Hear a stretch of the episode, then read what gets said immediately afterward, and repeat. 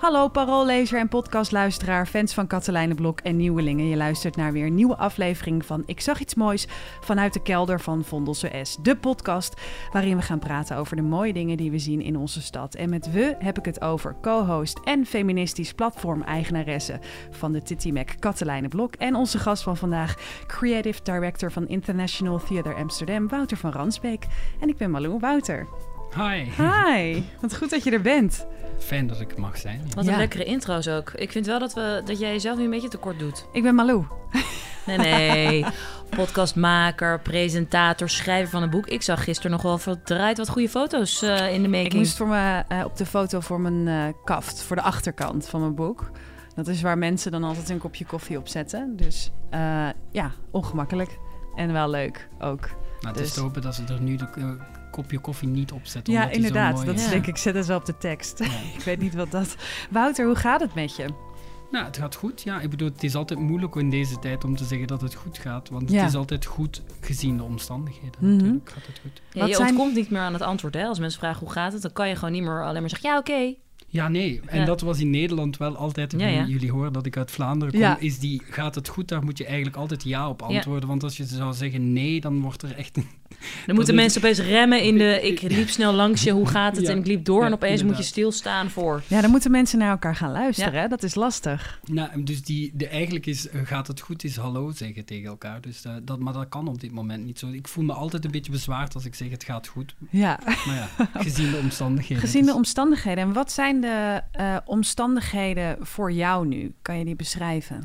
Nou ja, ik bedoel, werktechnisch of professioneel is het natuurlijk wel... Ik, ik werk op het Leidseplein. Ja, Eh, de vroegere stad Schouwburg, eh, het gezelschap Toneel op Amsterdam, Internationaal Theater Amsterdam is een fusie daarvan. Maar dat betekent wel, wij hebben en een groot gebouw, eh, wat eigenlijk leeft van dat er mensen op bezoek komen, dat er mensen in de zaal zitten. En we hebben eh, 270 mensen in vaste dienst. Mhm. daar. Dus ja, toen die lockdown eraan kwam, dan kwam enerzijds heb je dus een groot team wat plots stil st- komt te staan. En anderzijds word je geraakt in, in, in eigenlijk de, ja, de kern van je bestaan. Namelijk, want wij leven ervan dat Ja. mensen in groep naar ons komen kijken. En Ja. die groepen zijn onmogelijk en die mensen, ja. Dus dat is wel een uitdaging. Dus in die zin is, is gezien de omstandigheden, is het fijn dat we nog aan het werk zijn. Fijn ook dat we weer open zijn Ja. in, in, in, in zover dat gaat. Maar het is natuurlijk, het blijft een, een, een, een onzekerheid en die zal nog lang duren. En dat is best wel ingewikkeld. Hoeveel mensen kunnen er normaal gesproken bij jou naar binnen? Nou, we hebben, om, om- we hebben twee zalen op het Leidseplein. En ik denk in totaal zitten er 1300 mensen of zo kunnen binnen. En Ja. ik, ik denk dat we nu rond de 250, 300 mensen kunnen hosten elke avond. Dus dat is ongeveer 30% van wat dat er normaal binnen kan. Dus Ja. dat is niet echt een businessmodel als je Nee. het eh, eh, eh, zo bekijkt. Maar ik denk wel dat je, heb je niet nu nog meer dat je de urgentie en ook het belang voelt van inderdaad de creatieve sector? Nou, ik denk dat dat wel, en je voelt het ook, hè, want het publiek komt. Hè. Ja. Dat, dat, wa- daar was natuurlijk heel veel bezorgdheid over dat mensen niet meer zouden buiten huis gaan. Ik bedoel, je ziet het op de terrassen ook, maar ook cultuur. Mensen zijn er echt aan gehecht. En ik Ja. denk nog soms meer aan gehecht dan, dan ervoor. Dus ja, voel ik het belang. Zeker wat ook zo leuk is, wij zijn de enige plek waar een stukje oud leven weer tot stand Ja. komt. Want onze acteurs die mogen sinds augustus, als ze getest worden Mhm. en een beetje in de bubbel blijven, kunnen die elkaar zoenen, aanraken, Oh, eh, eh, slaan, eh, kunnen echt fysiek contact met elkaar hebben. En af en toe in het begin, toen ik in repetities zat, toen dacht ik van, niet doen, niet doen. Ja, Grappig hè, hoe dat snel dat ja. verandert. Dat idee van, ook als je film al kijkt of Ja. iets, of dan dat je denkt, huh, ze raakt, ze elkaar aan. Ja, Nou, ik heb het altijd, als ik zo'n film zie waar gefeest wordt, Ja. dan denk ik, oh, pas Ja. nou op jongens. ja. Nee, ik denk, waren we daar maar terug? Ja, het Ja. zweet van andermans mens op je Ja. armen. Ja, wat mis je het meest persoonlijk? Nou, ik, ik, eh, eh, ik mis het reizen heel sterk. Ja. Want ik ben normaal, ik bedoel, ben ik heel veel op pad. Mhm. En, en eh, ik denk toen de lockdown, want ik ben ondertussen al een paar keer het land uit geweest, maar ik ben tot en met eind juni ben ik in, in Amsterdam geweest. Mhm. Nou, ik vond het best wel spannend. Ik denk dat het sinds mijn twintigste is of zoiets, dat ik nog eh, eh, eh, zo lang ergens op één Mhm. plek geweest ben. Dus dat vond ik wel, dat, dat mis ik wel. Ik vind, ik vind dat contact met andere landen, vind ik wel echt een groot gemis in mijn leven. Ja. En vrienden natuurlijk ook, hè, want ik heb al heel lang... Bijvoorbeeld mijn familie, daar zou ik deze, dit weekend we zouden mijn vader zijn eh, eh, verjaardag vieren, maar plots werd er vanuit België een quarantaine van twee weken afgekondigd als je Mhm. vanuit Amsterdam kwam. Ja. Dus kon ik niet heen. Ja, wij zijn rood hè, voor eh, België. Ja. Ja, Noord- en. Zuid-Holland. Ja. Vooral jij. Jij bent Blijkbaar ben jij de schuldige de brandhaard. Hier zit ze. In de studio op afstand neergezet. Ja, ja. Ehm, je hebt ook eh, laatst een prachtige productie neergezet met Wende in Ja. Carré, de Kaleidoscoop. Vorig jaar heb ik het live mogen zien. Toen zaten we inderdaad in een foyer lekker allemaal naast elkaar. Ehm, voor de mensen die eh, het niet hebben gezien, het staat nog op NPO Start, geloof Ja. ik. Wat, wat hebben ze gemist, Wouter? Nou ja, kijk, het, het, het, het spannende is natuurlijk ook met jullie medium, post, podcast of radio of televisie, de, de direct contact tussen, tussen, tussen de performers, of het nu zangers zijn of, of eh, acteurs zijn, en het publiek, dat is eigenlijk waar ik al jaren in werk en waar Wende, mijn partner, ook Mhm. eigenlijk haar eh, eh, core business is dat contact. En, en eh, ehm, we hebben een jaar of drie geleden hadden we een week waarin we ehm, wij, wij zijn omnivoren. We gaan en naar de opera, Hm. maar we zijn ook eh, we- eh, in Paradiso, in clubs. eh, dus we hadden een week waar we en in de opera waren, en in het ballet, en in Paradiso, en in de Melkweg. Allemaal dingen gezien hadden van elektronica naar... naar en we dachten, het is toch gek dat de, de meeste festivals hebben allemaal gescheiden Ja. kunstvormen. En, en eh, als je goed bekijkt tussen de minimal, minimal mu- music in, in, in de klassieke muziek en de punk aan de andere kant, daar zit eigenlijk niet zoveel Nee. verschil eh, eh, tussen. En dat is eigenlijk waarom we dachten van ja, Wende is vier jaar geleden huiskunstenaar van Carré geworden. En eh, Carré heeft eigenlijk als een van de enige podia ook in Amsterdam een heel eclectisch, eh, daar komen Mhm. cabaretiers, maar daar staat dan ook Effect Twix en, en er staat een En een heel circus, en een eh, circus. En dus toen dachten we van laten we dan een avond eens organiseren waar we al die mensen bij elkaar brengen. Al die verschillende van balletdansers over.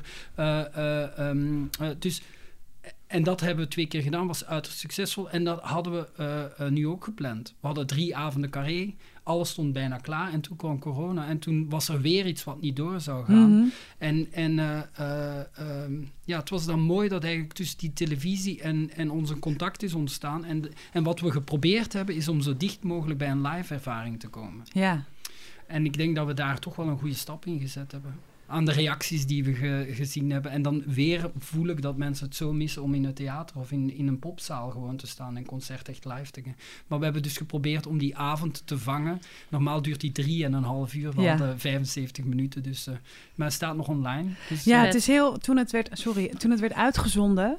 Ehm, eh, en ik las eh, de socials en eh, dan gaat het een beetje, dan gaat het spelen. Op, mensen gaan het erover hebben.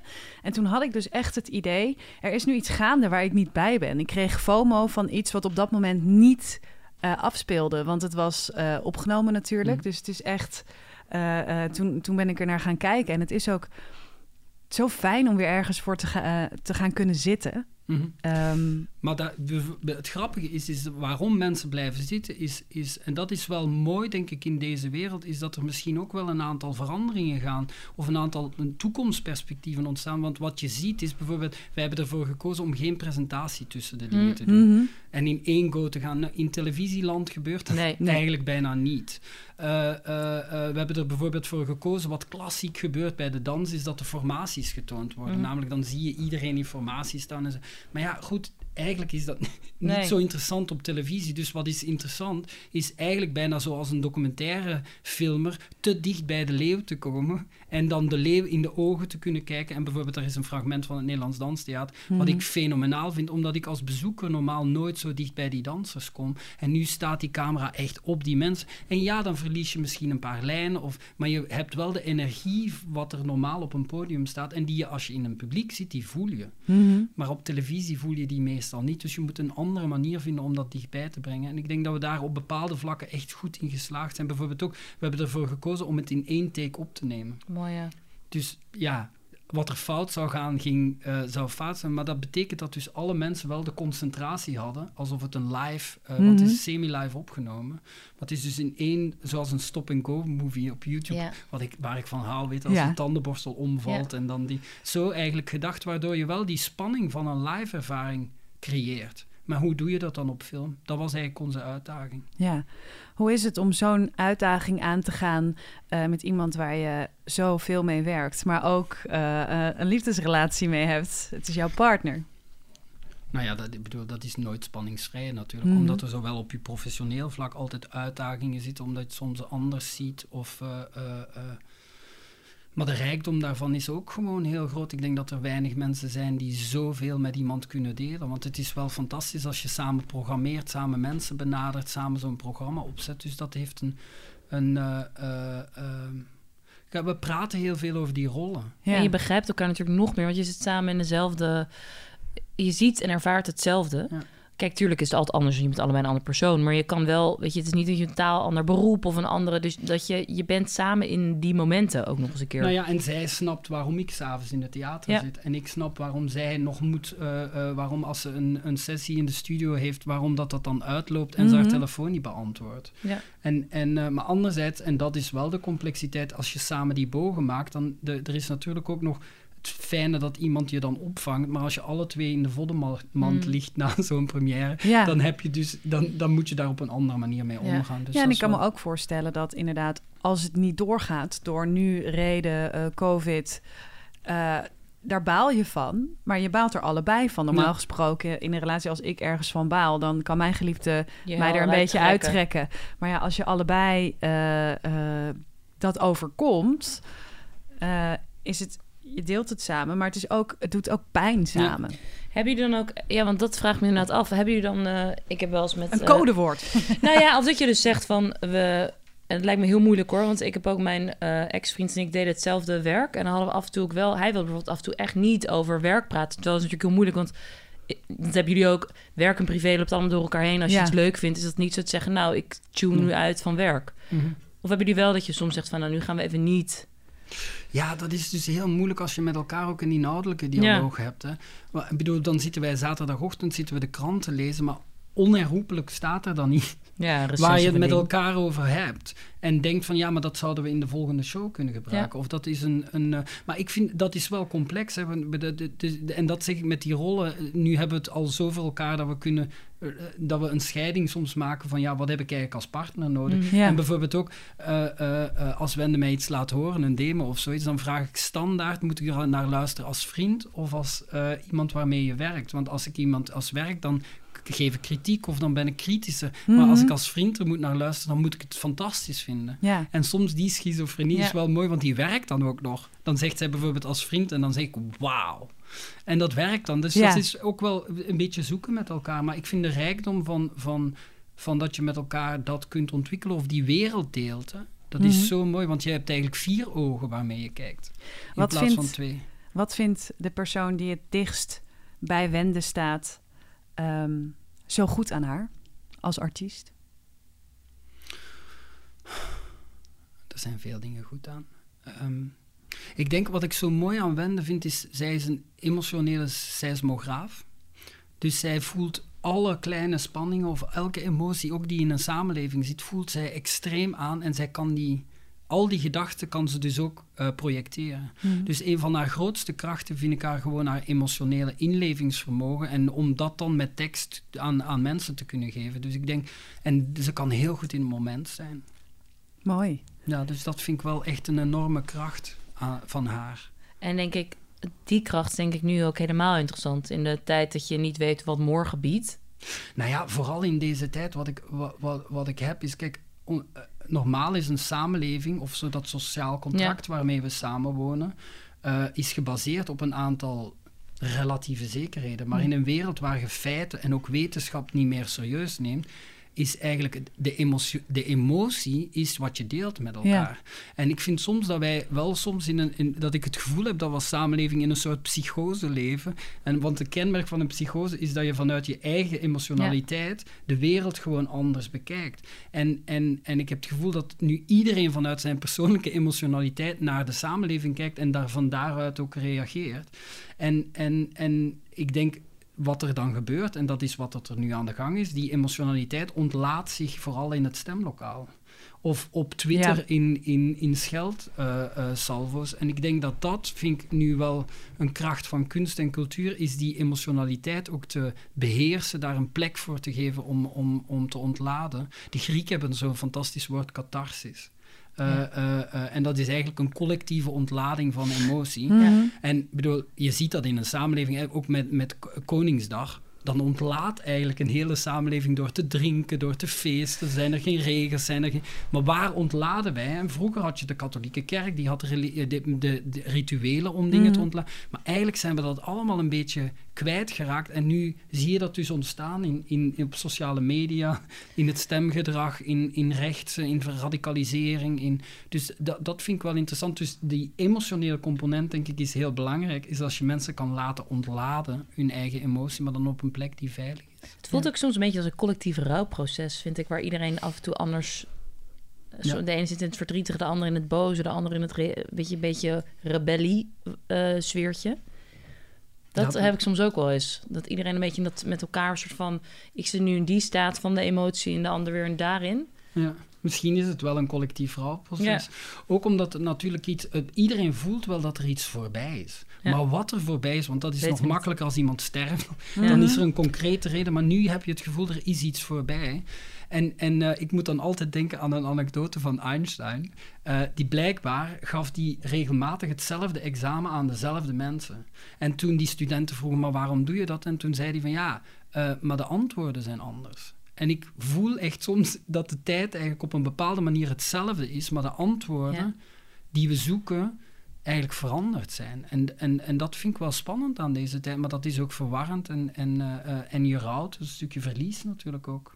Ja, en die emoties die voor iedereen anders in te vullen zijn, eh, die botsen vaak. En dan, nou ja, wat jij zegt, de uitingen die dan gaande zijn, of op straat, of in de politiek, of op Twitter. Het is zo heftig af en toe. Ik vind het echt af en toe heel heftig. Dat ik denk, ik ga gewoon, ik zet alles uit. En dan blijf ik maar binnen. Maar dan hoef ik Mhm. het ook eventjes niet, niet te voelen allemaal. Nou, ik ga wel een boek ja, lezen. Maar dat is denk ik wel... Een, dus wat ik heel interessant vind in het theater nu, of, of in het ding, is net die ontlading creëren, Mhm. maar dan op een manier die, die, eh, eh, die veilig is. Ook dat we er niet iets moeten mee doen, dat we er niet direct iets moeten aan koppelen. Want dat is bij rouw ook, hè. Rouw moet je soms dragen. Ja. Soms ben je maanden gewoon echt droevig. Ja. Maar als je probeert dat direct op te lossen of daar iets rationeel mee te doen of zo, dat faalt allemaal omdat dat niet kan. Ja, het is bijna een soort paniekgedrag. Ja, Ik moet wel zeggen, ik ben naar het theater geweest, al best wel veel, Mhm. eh, eh, met afstand. En eh, ik vind het echt heel bijzonder om in het theater te zijn, weer. En ook eh, die afstand heeft dus op mijn uitwerking ehm, dat ik ben, ik ben iemand die snel afgeleid is. Dus ook afgeleid van mensen voor me, mensen achter me en mensen naast me. En de ervaring die ik nu krijg eh, en voel in het theater, dat is eigenlijk een soort van cadeautje. Dat het, dat het echt alleen voor mij eh, eh, gebeurt, omdat ik mezelf beter kan concentreren. Dus mocht eh, mensen nog steeds twijfelen, moet ik wel naar het theater gaan. Het is echt heel bijzonder om nu, juist om nu naar het theater te het gaan. is alsof je business class vliegt in ja, plaats van precies. Ja, inderdaad. Wouter, je komt uit België. economie. Ja, Wanneer ben je naar Amsterdam gekomen? 13 jaar geleden. En wat was jouw eerste indruk van deze stad? Ehm, ik vond het best heel moeilijk om hier te zijn. Waarom? Nou, omdat eh, ik kwam uit Duitsland. Mhm. eh, eh, en Vlamingen hebben, bedoel, hebben, missen een stukje assertiviteit. En nu is Amsterdam best wel assertief. Eh, ehm, en, en dat daar, daarmee omgaan, want, want je ervaart dat eigenlijk in het begin als onbeleefd. Mhm. Of als indringend, of als... als, als Te direct als- ook misschien? Ja, en ook respectloos. Ja. Kan maar allemaal, moet maar allemaal kunnen. Of de, de, de, de attitude daarvan. Dus daar had ik het best wel moeilijk mee. En ik vond Amsterdam heel klein. Hm. Ik had in grootsteden gewerkt. Ja, eh, eh, ehm, en, en ik had de wereldziel van Amsterdam nog niet ontdekt. Dus ik zat in een dorp, voor mijn gevoel. Maar voelt dat nu nog steeds? Ik vind dat... Ja, hoe zie je dat nu? Is dat nou, ik, anders? ik bedoel, ik vind Amsterdam een dorp met een wereldziel. Eh, wat ik er prachtig aan vind, is dat het eigenlijk hè, want we hebben het altijd over die microsteden. Hè, dus het feit dat een leefbare stad moet zijn. Heel veel van die grootsteden zijn nu aan het proberen om meer Amsterdam te worden. Dat je in Mhm. 15 minuten van de ene kant Ja. naar de andere kant kan. Dat de infrastructuur ook binnen 15 minuten eh, eh, eh, aanwezig is. Dus op zich is Amsterdam op een rare manier weer een modelstad geworden in, in, Ja. qua mobiliteit, qua, qua levenskwaliteit. Dus, maar ik heb dat nu niet meer. Ook om, ja, maar ik reisde heel veel natuurlijk. Eh, ehm, waardo- waardoor je eigenlijk die, die- ja... Het was een, een heel mooi rustpunt. En dat is het nog altijd. Ja, want je hebt Amsterdam wel gekozen voor Ja. iemand die de hele wereld over reist. Ja. Jij kan eigenlijk ook overal zou- jouw thuis ma- ja. kunnen maken. Ook met je werk, dat kan gewoon. Waarom is Amsterdam dan toch jouw thuis? Nou ja... Ehm, op Zie een je het gekke ook? manier... Wat? Sorry, ja, zie je het eigenlijk ook echt als je thuis? Ja, het is mijn eerste keer dat ik een thuis... Nadat ik... Ik ben op mijn twintigste uit, uit België weggegaan, dus ik heb ook nooit in België gewerkt. Mhm. Eh, eh, het is de eerste keer dat ik echt een thuis voel. Ja. Eh, ehm, maar ja, anderzijds, kijk, het is een beetje zoals New York. Hè. Hoe, ook de 16e eeuw was het een van de grootste immigratiesteden van, van Mhm. de wereld. Dus deze stad is ook gebouwd niet door Amsterdammers alleen. Waren ook heel veel Vlamingen op dat moment in de Gouden Eeuw. Eh, eh, dus ik, ik heb het gevoel dat het een stad is die open staat voor anderen. Ehm, ik hou ervan dat er niet zo'n grote traditie is, zoals in bijvoorbeeld Duitsland of Frankrijk, die steden. Je voelt dat er ook zo'n soort traditionaliteit. Eh, Nederland vi- vindt zich regelmatig opnieuw uit. Eh, eh, eh, dus ik, ik, er, is een soort moderniteit in die stad. Een vriend van mij die, die werkt bij een, een, een grote firma en die, die doen marketingonderzoek. En er is een term fast adapters. Mhm. En Nederland is een van de belangrijkste fast adapters in de wereld. Dat wil zeggen, ze creëren geen vooruitgang altijd, maar ze, ze nemen hem direct over. En bijvoorbeeld, dat zag je al bij de mobiele telefonie. Ja. Toen ik naar België dan ging, toen zat iedereen daar nog met de laatste modellen en, en het netwerk werkte nog niet. En ondertussen was hier al 4G en al die... Dus Nederland is, of Amsterdam is ook een stad die heel snel uit de wereld alles haalt en dat eigenlijk in, in, in zijn eigen... Dus dat vind ik spannend. Ik heb het gevoel dat er een grote moderniteit, maar ook met een rust en een leefbaarheid gecomponeerd. Hoe beweeg jij je door de stad? Ben je een wandelaar? Ben je een fietser? We hebben Scooterrijder? scooterrijder. Ja, we hebben hier de, de wandelaar slash ook een scooter, wandelaar. scooterrijder. En ik Eh, ben, ik ben de fietser. Een scooter met een geel nummerbord, hè? Dus ik zat al op de weg. Geen fi- ik ben geen dat is fiets... goed. eh, Oké, dat is goed. Nee. Ehm, ik, ik ben een grote wandelaar. Mhm. Zo heb ik Amsterdam eigenlijk leren kennen. Eh, ehm, ik ga regelmatig een uur of twee, drie wandelen. En ik woonde naast het Anne Frankhuis, Mhm. eh, eh, heel lang, acht jaar. Ehm, ja, er is bijna niets mooier om s'avonds om 11 uur nog heel even twee uur langs de grachten te wandelen. Of bedoel, 's ochtends. of 's ochtends is, ja, als je uitgegaan Ja. bent Ja. en je komt 's ochtends rond 4, 5 uur en de zon raakt al een beetje de hemel. Is en de Westerkerk slaat ja. en zo. Ja. Ja. Ik denk dat dit een mooi bruggetje is eh, eh, naar het einde van Ik zag iets moois, waarin we altijd even delen. Wat is nou het mooiste wat je de afgelopen tijd buiten hebt gezien? Katelijne trapte hem altijd af. Ja, ik heb wel weer, want ik, ik heb net stiekem een beetje al ge, gehint naar Malou waar ik dacht waar ik het over wilde hebben. En inderdaad zijn minuten van, ja, het voelt wel iets, iets als, ja, wat jij eigenlijk vaker toch een beetje in die hoek hangt. En dat is inderdaad een voorbeeld van de nacht, geef ik gewoon weer. Maar het komt een beetje met, ik merk dat ik, ehm, ik mis gewoon echt het nachtleven eh, in coronatijden. Dus we hebben net over wat mis je. Ik mis aanraking, maar ook het schaduwleven van wat we hier doen. Dus we Mm. hebben de dag en het is prachtig, weet je. eh, Amsterdam in zonlicht is echt een van de mooiste dingen wat er is. Maar ik vind Amsterdam in de nacht is ook echt magisch. En ik mis echt, en ik vind met, me- met mij het nachtleven. ehm, of het nou afgelopen week was nog het protest eh, op Malieveld voor het nachtleven. Weet je, nou ja, volgens mij 80% van de nachtclubs dreigt om te vallen als het zo doorgaat. Misschien nog wel meer. En ehm, ik mis dat gevoel, dat magisch, dat je iets met elkaar deelt. En dat geheim, dat je even iemand anders kon zijn. Of eh, dat, dat mystieke. En toen had ik afgelopen weekend... ehm, eh, voelde ik dat weer een beetje. Omdat ik... ehm, ik had een eh, vrijdag had ik een eh, corona-proof trouwens. Mhm. Eten eh, georganiseerd met een groep creatieve vrienden van mij. Van dichters tot zangers, alles bij elkaar. En we hadden afstand en tafels. Nou goed, dat was al prachtig om te zien. Maar wat daarna gebeurde... ehm, ik ging naar huis en ehm, deze keer wandelend. Want ik wandel dus ook heel graag. En toen kwamen er voorbij... fietsten er opeens... twee mensen. Die zaten bij me. Een meisje zat achterop bij een eh, ander meisje. En die hadden dus ehm, sterretjes vast. Die aan waren. Ehm, en van die lekkere vuurwerksterretjes. Je kent ze oud en nieuw of nou feesten van voorheen. Die hadden die vast en die waren aan het zingen. En dat had ik jou nog niet eens verteld. Want het mooie was... ehm, ik merkte dus dat zij aan het aftellen waren. En ze hadden allebei apart oortjes in. Dus ze luisterden naar hetzelfde nummer op de fiets. Ehm, de ene was aan het fietsen met oordopjes en de ander achterop. En ze telden dus af bij het stoplicht om hem weer synchroon aan te zetten. Dus ze hadden allebei een liedje aan en waren aan het meezingen met die lampjes. eh, met die lichtjes in de handen. En ze hadden allebei gewoon dat gedeelde gevoel van wat je voorheen hebt. Of in een voorstelling of inderdaad in een, in een club of op een festival. Dat je samen naar iets kijkt en dat gevoel beleeft. En dat je echt zo naar iemand kijkt die je eigenlijk niet kent. Maar je snapt beide wat je bedoelt. Want je deelt dat moment. Dat hadden zij voor zichzelf gecreëerd op die fiets in die nacht met die sterretjes in de handen en dat nummer samen tegelijk op. En toen dacht ik wel weer echt, ten eerste wat een heerlijke stad wonen we in, maar ook nostalgisch, wat mis ik, wat mis ik dat moment dat je het nog groter kan delen. Ja, want dat is wel, denk ik, mooi wat je zegt. Want mijn grote bezorgdheid is, los daarvan, is, is, is het zo dat in- in de geschiedenis is het duidelijk dat, dat de subculturen en tegenculturen, die Ja. spelen zich in de nacht af. Die Ja. ontwikkelen zich in de nacht. En nu gaan we misschien wel twee jaar tegemoet waar dat soort cul- culturele uitwisseling en samen Ja. eh, eh, hokken, waar daar iets niets uit ontstaat, dat dat weg is.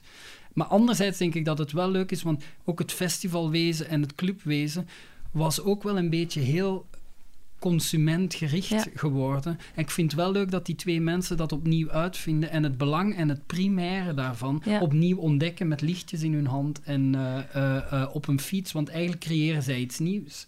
Dat is ook prachtig, vind ik ook om te zien. En tegelijkertijd maakt me dan weer aan de andere kant zo zorgen alle Ja. mensen met al die beroepen daar, maar ook dat het idee dat het gewoon niet door de politiek en ik weet iedereen heeft een ander belang nu voor om iets te redden van zijn of haar eigen sector waar je in zit of je familie of vrienden, maar ik heb het gevoel dat de nacht is nog echt een overgeslagen kindje in het hele verhaal. Nou ja, en ik vrees er een beetje voor. Hè. Vrijdag Ja. is er een extra persconferentie. Ja. Ik, ik, vrees dat, dat het uitgaansleven, maar ook wij, want we Ja. horen daarbij, dat wij best wel weer even eh, de, de, de duimschroeven aangedraaid worden. En dat is natuurlijk een ramp. De vraag is hoe lang dit door kan gaan Ja.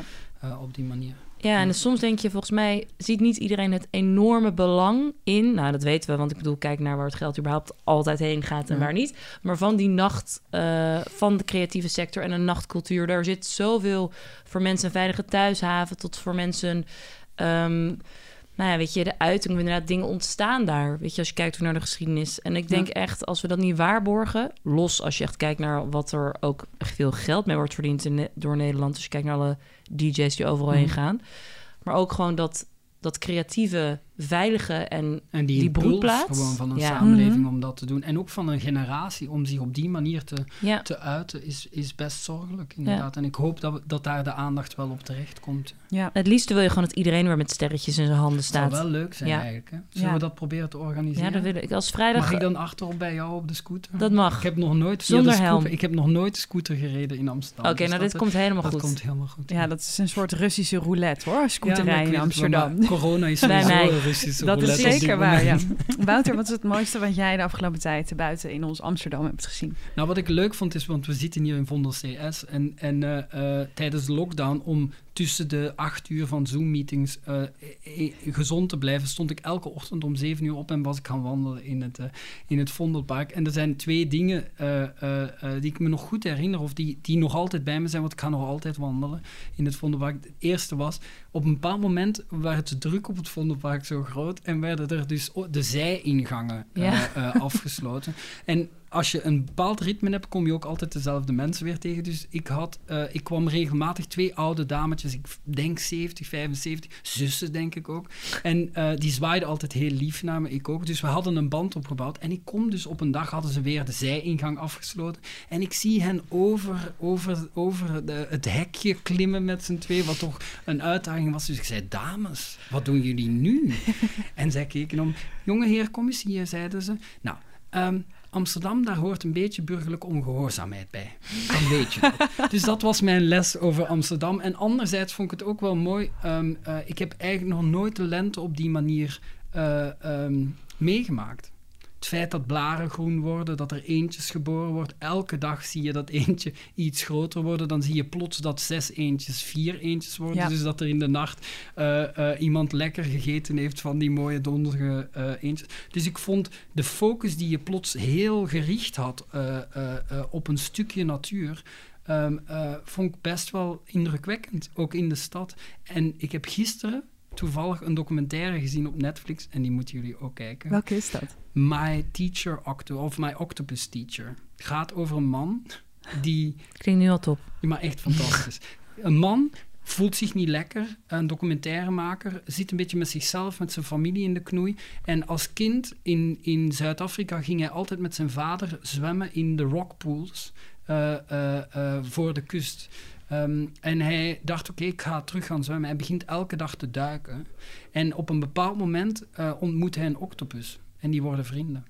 En hij volgt die octopus de rest van zijn leven tot hij eh, eh, sterft. Ik ga het niet spoilen.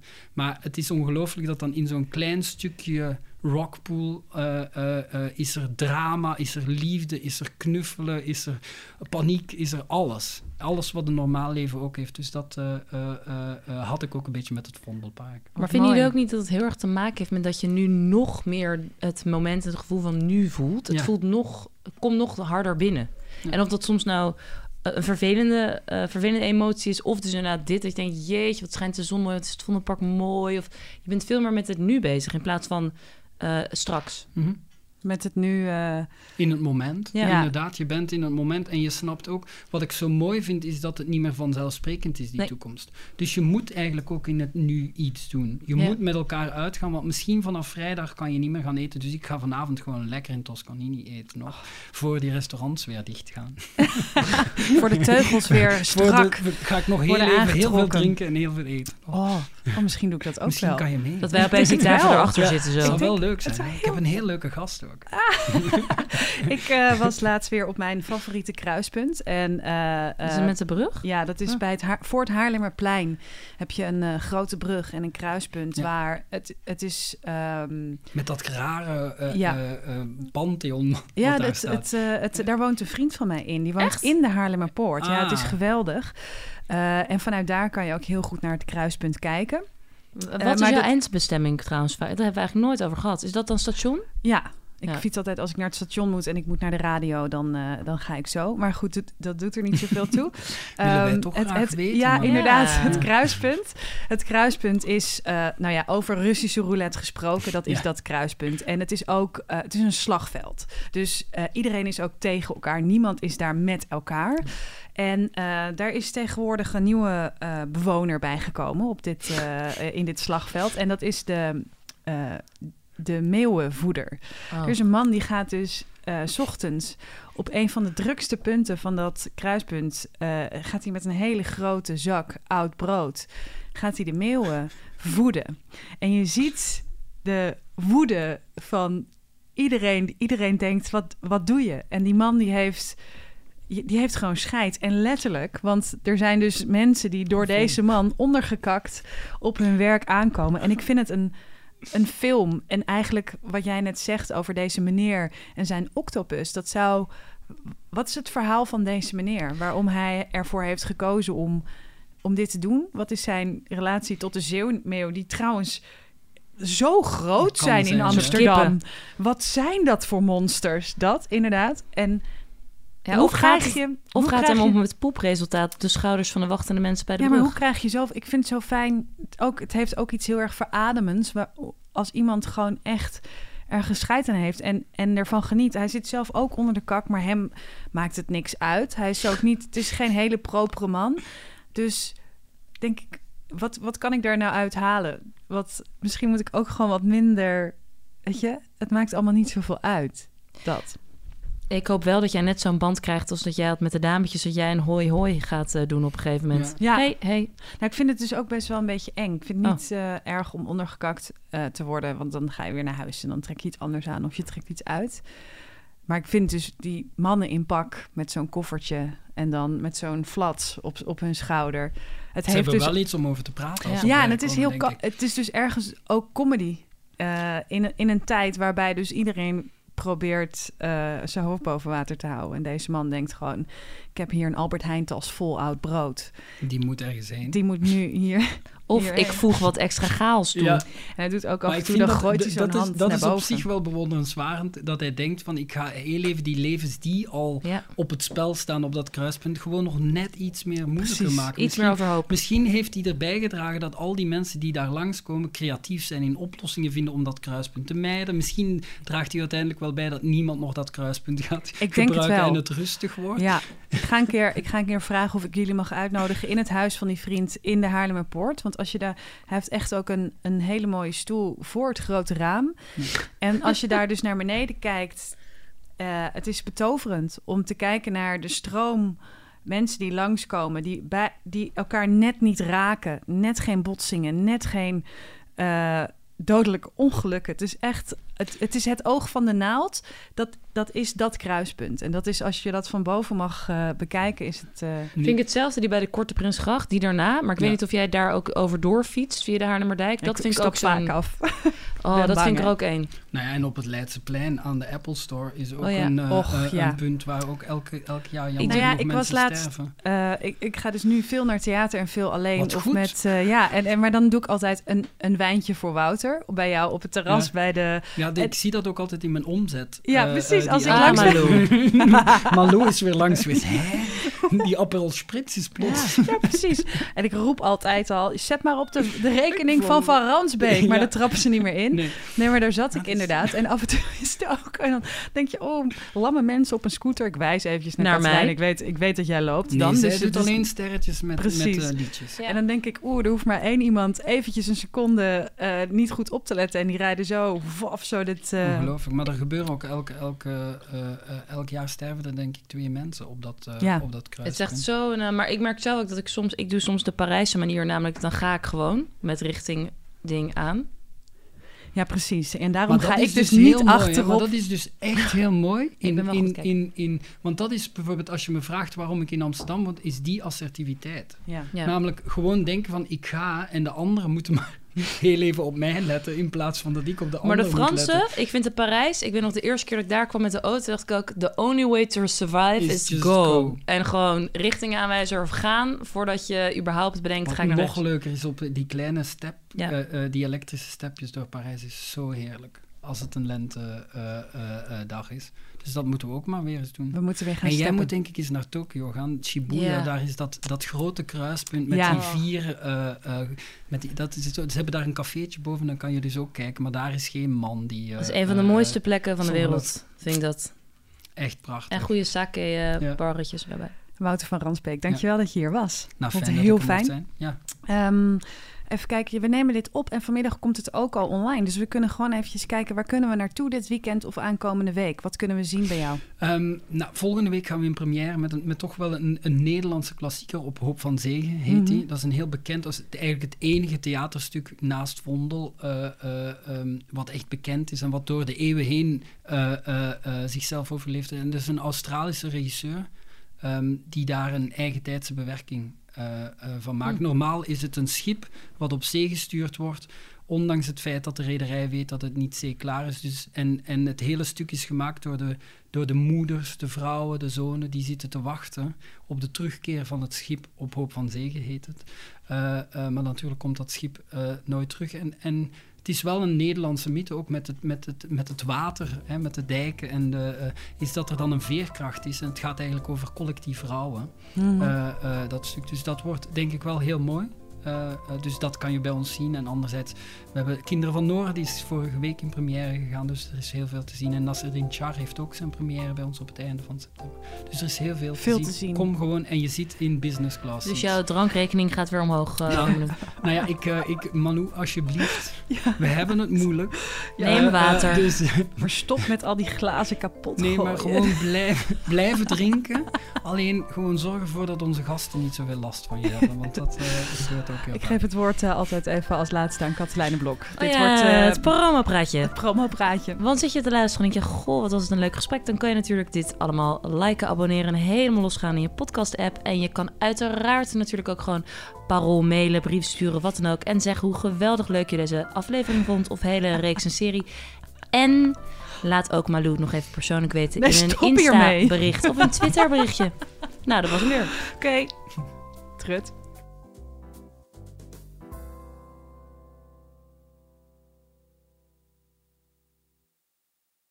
We worden dagelijks overladen met overbodige informatie. En het is moeilijk de zin van de onzin te scheiden. Daarom vertrouw ik op echte journalisten in plaats van meningen.